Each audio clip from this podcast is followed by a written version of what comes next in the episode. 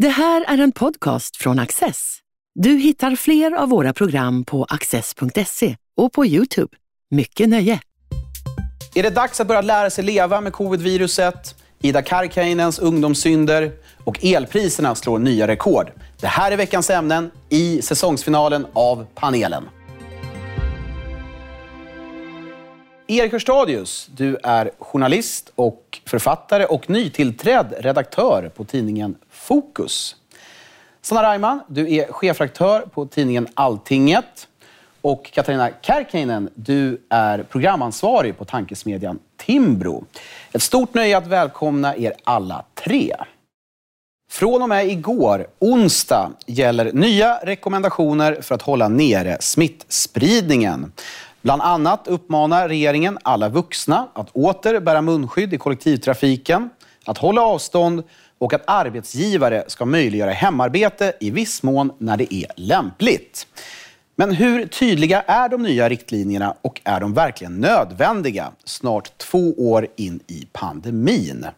Sanna Reimann, är det dags att vi lär oss leva med den här sjukdomen? Ja, det tror jag att det är.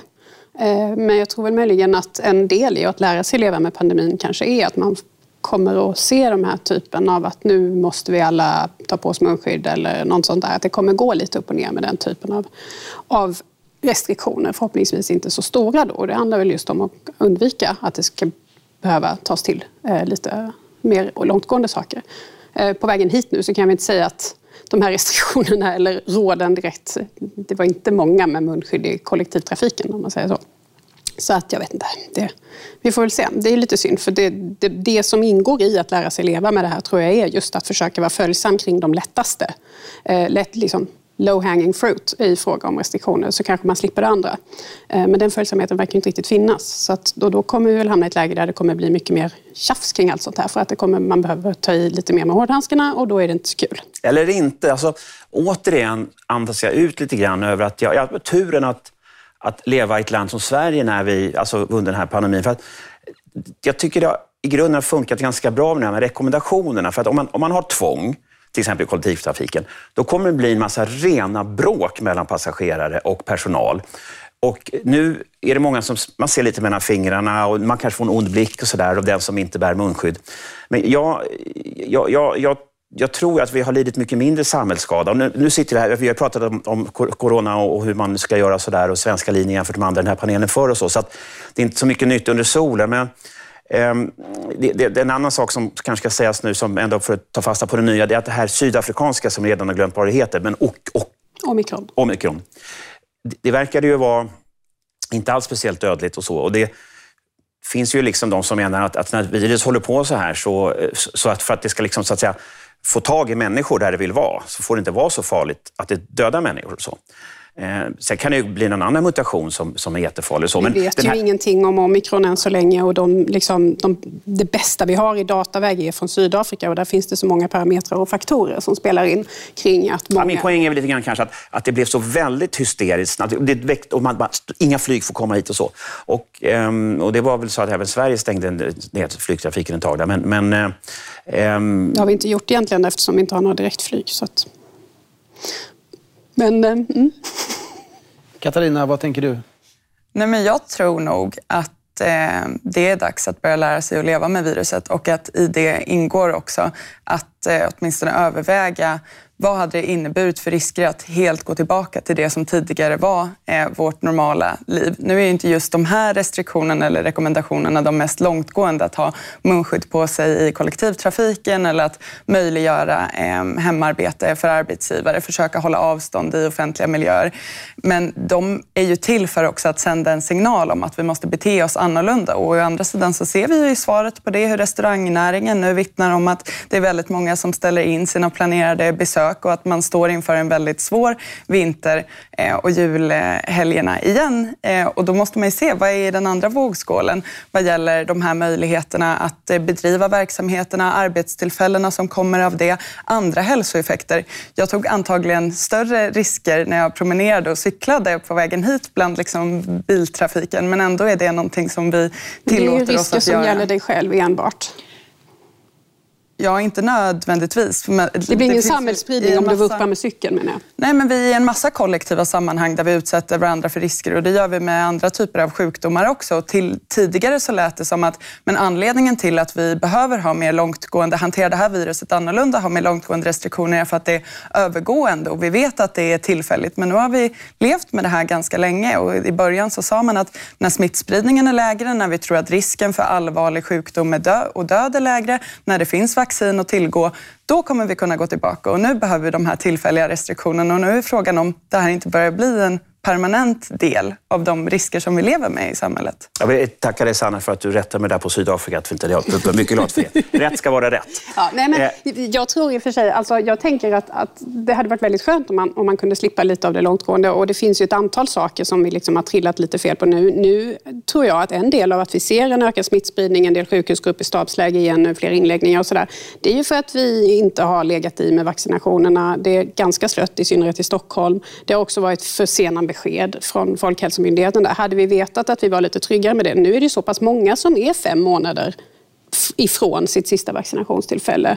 Och då kommer man ju se liksom att effekten av smittspridningen blir lite mer än vad den hade behövt vara. Här väntar jag på riktigt solida utvärderingar om hur effektivt vaccinet är, mycket skyddare och så. För det, det, har ju kommit med en del undersökningar från bland annat Israel som säger att det ger inte så vansinnigt mycket skydd och sådär. Det betyder inte att man inte ska ta det, men, men det påverkar ju den, den egna risk man vill bära. Men jag tycker också att om man nu är, man är riskgrupp eller man är väldigt, väldigt skraj för viruset och sådär, så det, det är kanske upp till en själv också att undvika sammanhang. Jag tror du var lite inne på det. Att man, alltså, vi som kanske inte är jätterädda rör oss på vårt sätt.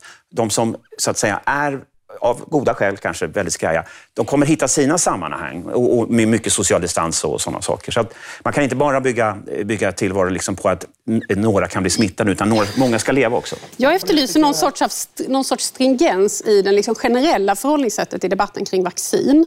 Därför att tidigare, långt innan pandemin, så har alla diskussioner som någonsin har förts i spalter och på ledarsidor överallt kring vaccin har handlat om mässlings och, och sånt där, att man gärna inte vaccinerar sina barn ordentligt och, då, och, då kan man få, och det är farligt med, med mässling och sådär. Så det har varit en extremt stark konsensus från så att säga etablissemanget att vaccin är viktigt och bra och man skyddar att det är viktigt att ha den liksom kollektiva ta det kollektiva ansvaret för varandra.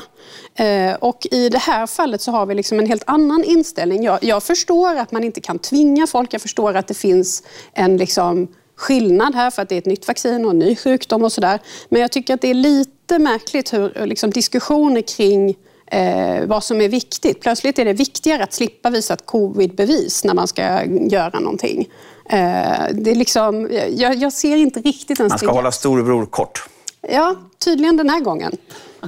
Katarina? Ja, jag, jag, delar nog det som du säger, Erik. Men sen tycker jag också att en svårighet med det här är att det, det, som vissa av oss eh, var rädda för och varnade för i början av när en del av de här restriktionerna infördes verkar ju ha hänt nu. Det vill säga att bevisbördan har skiftat. Nu behöver man inte längre komma med goda argument för att man gör det ena eller andra, utan det betraktas som det nya normalläget. Och man kan säga att men nu har vi levt som vanligt i flera månader, så det kanske är dags för nya restriktioner nu. Och regeringen ser sig inte heller som tvungen tvungen att redogöra för vilka parametrar man tittar på. De här restriktionerna nu är inte särskilt långtgående, men man säger att det kan komma fler redan under vintern. Så vad kommer kräva att vi går upp i den här andra fasen? Ja, det är en helhetsbedömning. Det vill säga, det finns inget sätt för oss att värdera huruvida det här är legitimt eller inte. Och det tycker jag är ett av de större problemen.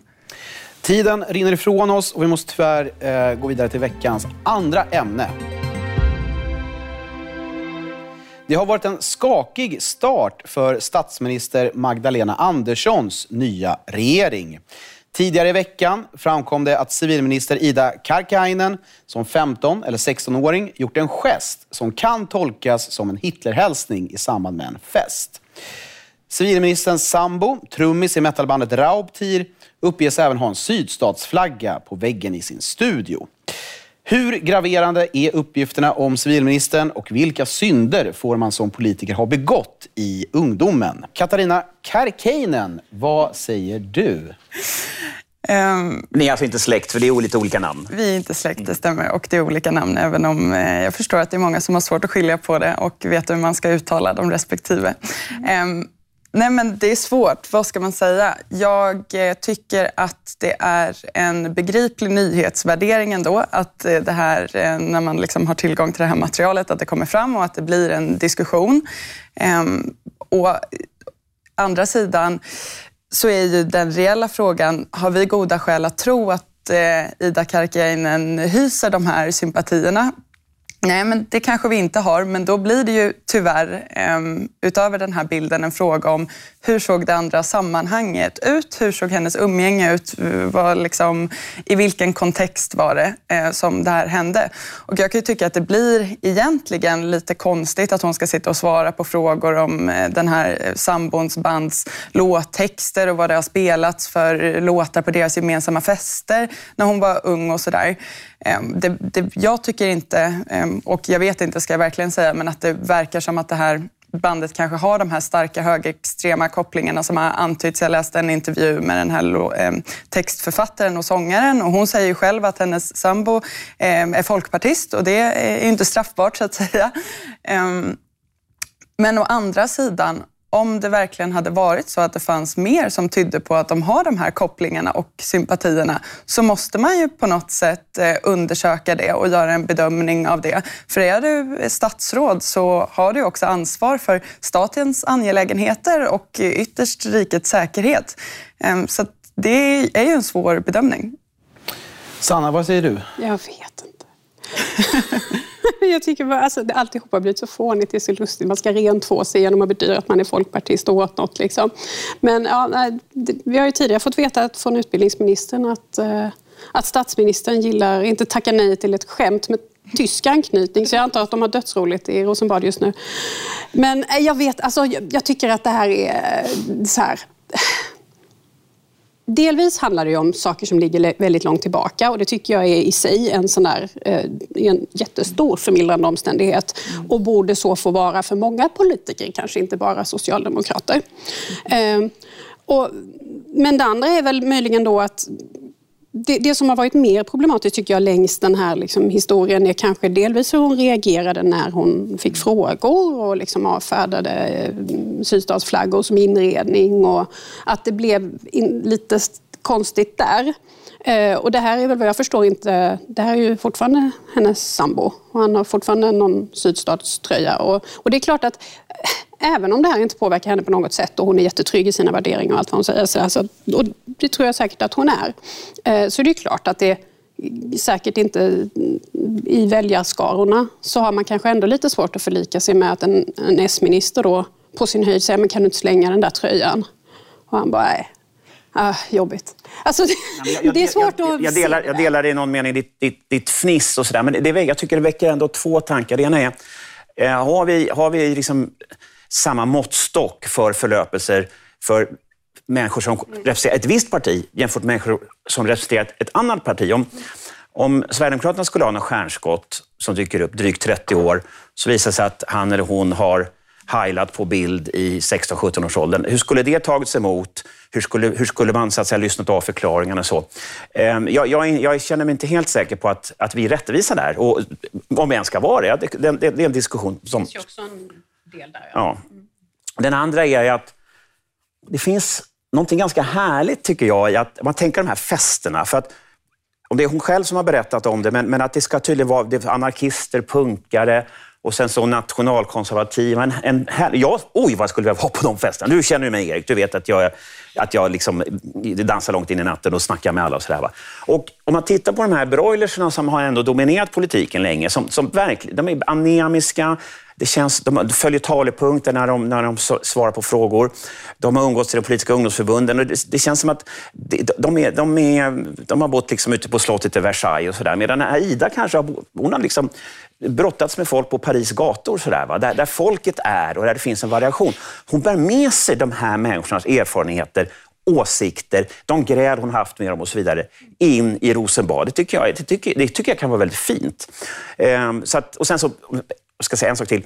Den som utan skuld kastar första stenen och sådär. Det, det, är så väldigt lätt. Och, om man tittar på sitt eget förflutna, alltså oj. Eh, vi, vi, vi, får ju inga bra politiker om alla ska dömas på den dummaste grejen de gjorde för, för 10, 15, 20 år sedan. Men, eh, och, och sen, jag menar, sen blir det ju tusen diskussioner här kring, plötsligt är det jätteviktigt att hålla på att separera mellan olika genrer och sådär. Ja, nej, det här bandet kanske, alltså, det förefaller inte vara särskilt nazistiskt. Det är inte mitt intryck. Jag satt och liksom plöjde igenom en del klipp, eh, Youtube-låtarna som låg där och läste texter och sådär. Det som är lite nyare, för mycket är ju släppt 2010 och sånt där, men det, det kommer någon, något album 2019 och där är det ju ändå lite så här, det ska liksom blinkas och sjungas om Bilderberggruppen och, och sådär. Så att, ja, det, och det är ju inte hon som har skrivit den texten förstås. Eh, men det är hennes sambo som turnerar. De hade ju spelning häromdagen. Ja, det, är alltså, det, det, det, kanske inte finns så vansinnigt mycket mer att säga om det här. Alltså, och, och, kan det visas att hon under en längre eller, alltså, kan det visas att hon i någorlunda vuxen ålder hyst, hyst så, åsikt som går på tvärs mot det parti hon nu representerar och hon skulle ha mörkat det. Jätteproblematiskt. Det, det kommer ju spricka. Ja, jo, en liten rolig tanke jag har. Magdalena Andersson, hon är inte rädd för att liksom ställa, ställa sig upp och försvara ganska, alltså, på inte helt säker grund eh, sina ministrar. För Thomas Eneroth blev ju anklagad då för ja, sexuellt ofredande eller någonting. Det var en förundersökning som har lagts ner. Men hon sa inför journalisterna direkt att jag tror på Thomas. Och han menade inget illa. Och det, det var där är en ny grej. Ja, och att hon vågar göra det. Alltså, att antingen är hon bara så tuff och, och, och känner Thomas Eneroth, eller också så... Jag vet inte riktigt. Det där, jag tror att det är en ny grej överhuvudtaget. Mm. Alltså, den här regeringen, eller egentligen någon regering, det har inte man har inte släppt taget om något egentligen på, jag kan inte minnas, alltså det var väl den där styrelseskandalen. men i övrigt så är det ju just nu så att eh, i alla typer av skandaler eller anklagelser eller där man liksom är det, saknar förtroende, PISA-diskussionen och kring Skolverket och sådär. Under hela pandemin så står regeringen och myndigheten och ingen kritik kan nå in. Eh, och jag tycker att det känns som att det är på något sätt en sån inverterad. Om det förr var så att man alltid pudlade och stod bakom ursäkt så gör man det nu aldrig. Det finns inget som kommer in. Magdalena Power på något sätt? Ja, jag tror det var så under Löfven också. jag tycker det har varit så länge. Ja. Eh, att det är liksom en, en ny, eh, ny typ av hantering. Att man numera, man, man, och jag vet inte om det ingår i någon slags allmän Trump-era och sådär. Nej, men din kritik är bara fel. Det är alternativa fakta, så jag bryr mig inte om det. Så enklare. Man får ju arbetsro då. Har det skapats ett klimat som gör att den här typen av incidenter eller händelser blåses upp så pass mycket och att, så att säga, nu får i någon mån så får så att säga, Socialdemokraterna som har spelat mycket på det här kortet att vi står inför en nära förestående eh, det finns ett hot från, från extremhögern och att nu har man liksom, så att säga, trampat lite i klaveret själv, så att säga. Det blir ju svårare förstås att hålla på, ehm, alltså beroende på hur de hanterar det här nu. Och eh, inget blir ju bra, för om de släpper Ida Karkiainen som en het potatis här så blir det ju på ganska lösa boliner och ganska konstigt. Det är ju ingen som som sagt tror att hon omfattar de här värderingarna. Eh, så att det, det vore ju skumt. Och det skulle nog inte tas emot särskilt väl inom partiet och, och sådär. Eh, och det skulle nog i allt väsentligt vara orättvist, helt enkelt. Eh, samtidigt så underminerar ju det här förstås allt man kan peka och säga om andra. Då. Så här, jaha, okej, men om hon får ha haft de här umgängena och bla, bla, bla i 15 års ålder. Jimmy Åkesson då? Han ska ju alltid få höra vad han gjorde och vad han gick med i när han var 16. Och så jag, vågar hoppas, jag vågar nästan hoppas lite grann att både hos folk i allmänhet och hos journalister finns det en liten trötthet på icke-substantiella drev. Så Jag menar, om hon var, hade varit nazist, då har vi något att jobba med. Men om vi inte tror det, då har vi inget. Liksom. Och om, om vi inte tror att Thomas, Thomas Eneroth är, är väldigt oskön mot kvinnor, ja, då, då, har vi inte så mycket.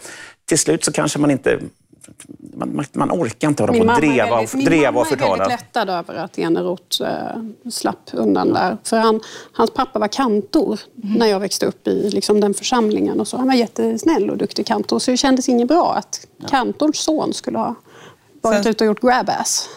Sen så,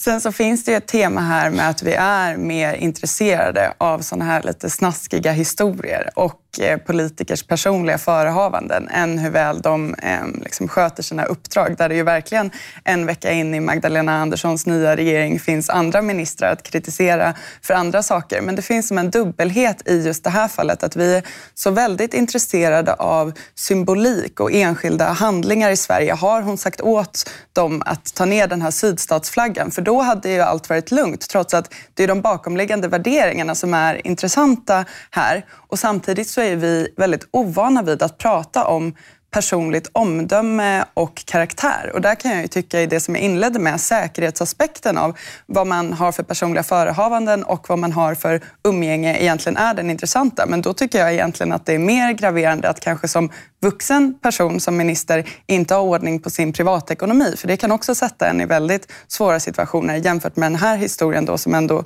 går eh, några år tillbaka. Men man hade väl inte velat vara i eh, statsministerns eh, skor den här arbetsveckan. Superkort historisk tillbakablick. Sista, när, Rein, när, när, Reinfeldt, vidare, när Reinfeldt eh, bildade regering 2006 så var det två statsråd som fick gå på rot. Eh, Maria Borelius och Cecilia Chilò för att det var liksom lite ekonomiskt trassel. Eller då, en hade inte betalat tv-licensen och så. Ja. Men här, jag, jag kan tycka det är hellre att hålla dem sina om ryggen hyfsat. Det här tycker jag är Så, då är det dags att gå vidare till veckans sista ämne. Det riskerar att bli en dyr vinter för boende i södra Sverige. Mellan klockan 4 och 5 på tisdag eftermiddagen kostar det en kilowattimme el 6 kronor och 46 öre. Ett nytt historiskt rekord. Och branschorganisationen Energiföretagen rekommenderar att svenska hushåll lägger undan pengar redan nu för elräkningen i januari. Erik Hörstadius, är det här det nya normala? Ja, det, det verkar ju vara. Alltså, det, alltså, det är klart att eh, ett elsystem som mer och mer bygger på, på eh, energislag som alltså rent alltså, per definition inte ger jämn energi som, som eh, vind och, och sol. Um, och, när, och dessutom är vi på ett komplicerat sätt hopkopplade med, med andra europeiska länders elnät. Och det, det, är väldigt, väldigt komplicerat hur det här hänger ihop. Så det, det är i hög grad det nya normala. Och det är många som efterlyser att vi ska ha mer förutsägbar el och då pratar man om, om att eh, släppa på mer kärnkraft och sådär. Men innan man gjort det så definitivt det nya normala. Eh, sen så är det en, det är en tekniskt komplicerad diskussion också av det, sätt, eh, av det skälet att det finns ju kraftverk man kan sätta igång. Eh, det är någon gasturbin i ja, Stockholm, tror jag, och, och eh, som kan ge väldigt mycket effekt. och Så, där. så att man, det, det kanske är så att vi kan stötta upp ganska bra det här lite svaja nätet, om vi, om vi gör överföringen bättre. Så att, men jag, jag, tror att det, jag, jag själv har väldigt svårt att förstå de tekniska aspekterna av detta. Men det, det alla kan förstå är att mer sol och vind i systemet och mindre pålitlig kärnkraft och vattenkraften är utbyggd, då, då kommer det kommer vara svajigt. Men det är klart att man kan ju skydda sig en del genom att teckna fasta avtal och sådana saker. Eh, och sen så, som lök på laxen är ju att vi ska elektrifiera oss så in i bomben med de här jättekraftverken som ska göra stål på ett fossilfritt sätt och sådana saker. Så de här påfrestningarna kommer vi få leva med länge, men jag är inte alls säker på att vi håller på att bli ett u-land bara för det. För att alltså, människans uppfinningsförmåga är ju fantastisk. Vi kommer kunna driva fram ny energi, tror jag. Sanna, vad säger du? Ja, jag vet inte. Ja, alltså, jo, det är väl säkert det nya normala, i alla fall av och till.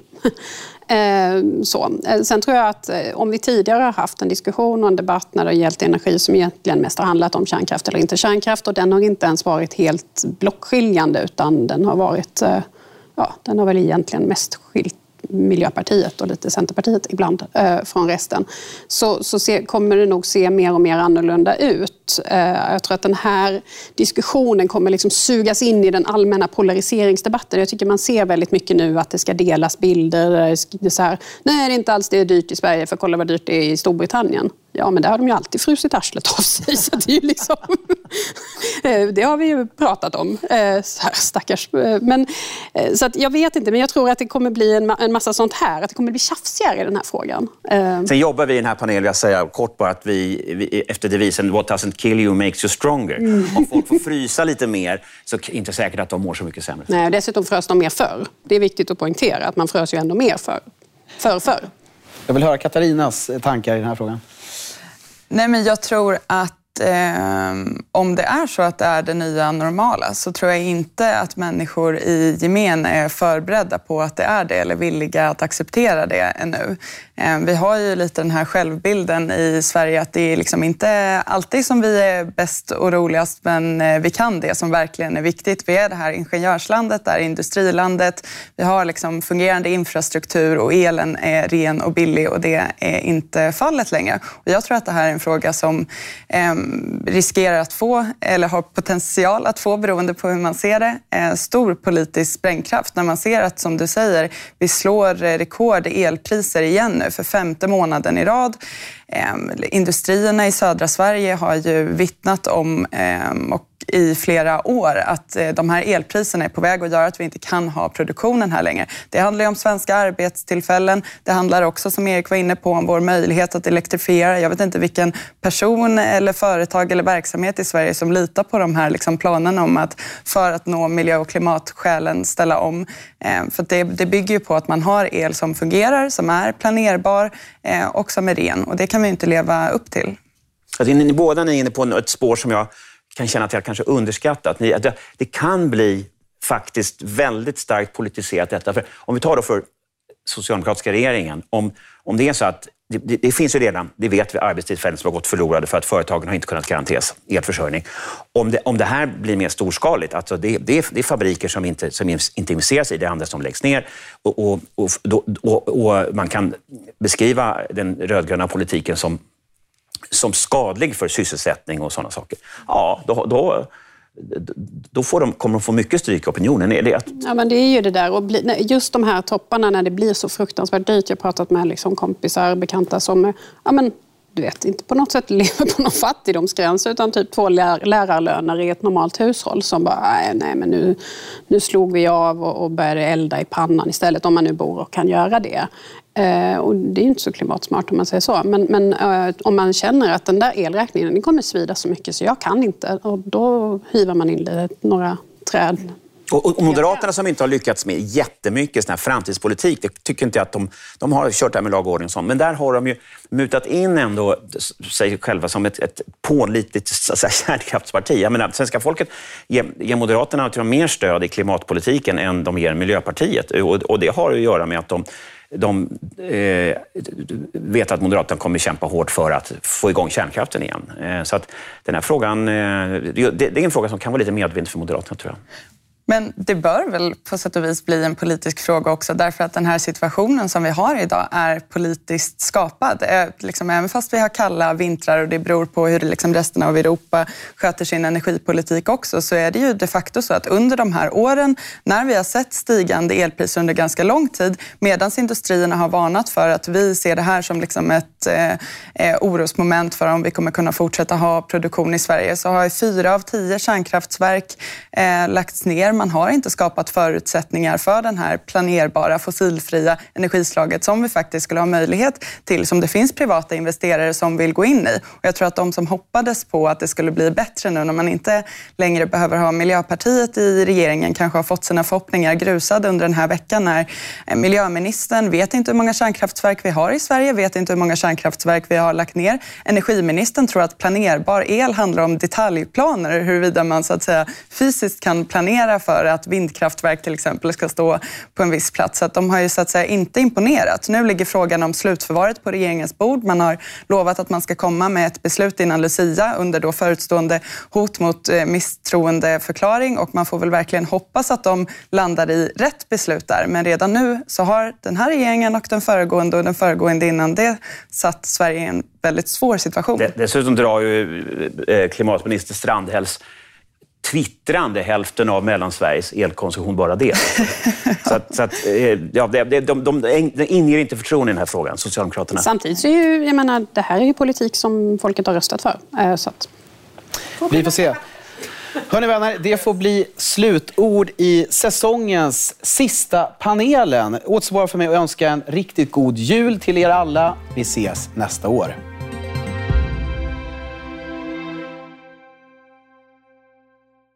Du har just lyssnat på en podcast från Access. Du vet väl att vi också är en tv-kanal och tidning? Teckna en prenumeration idag på access.se.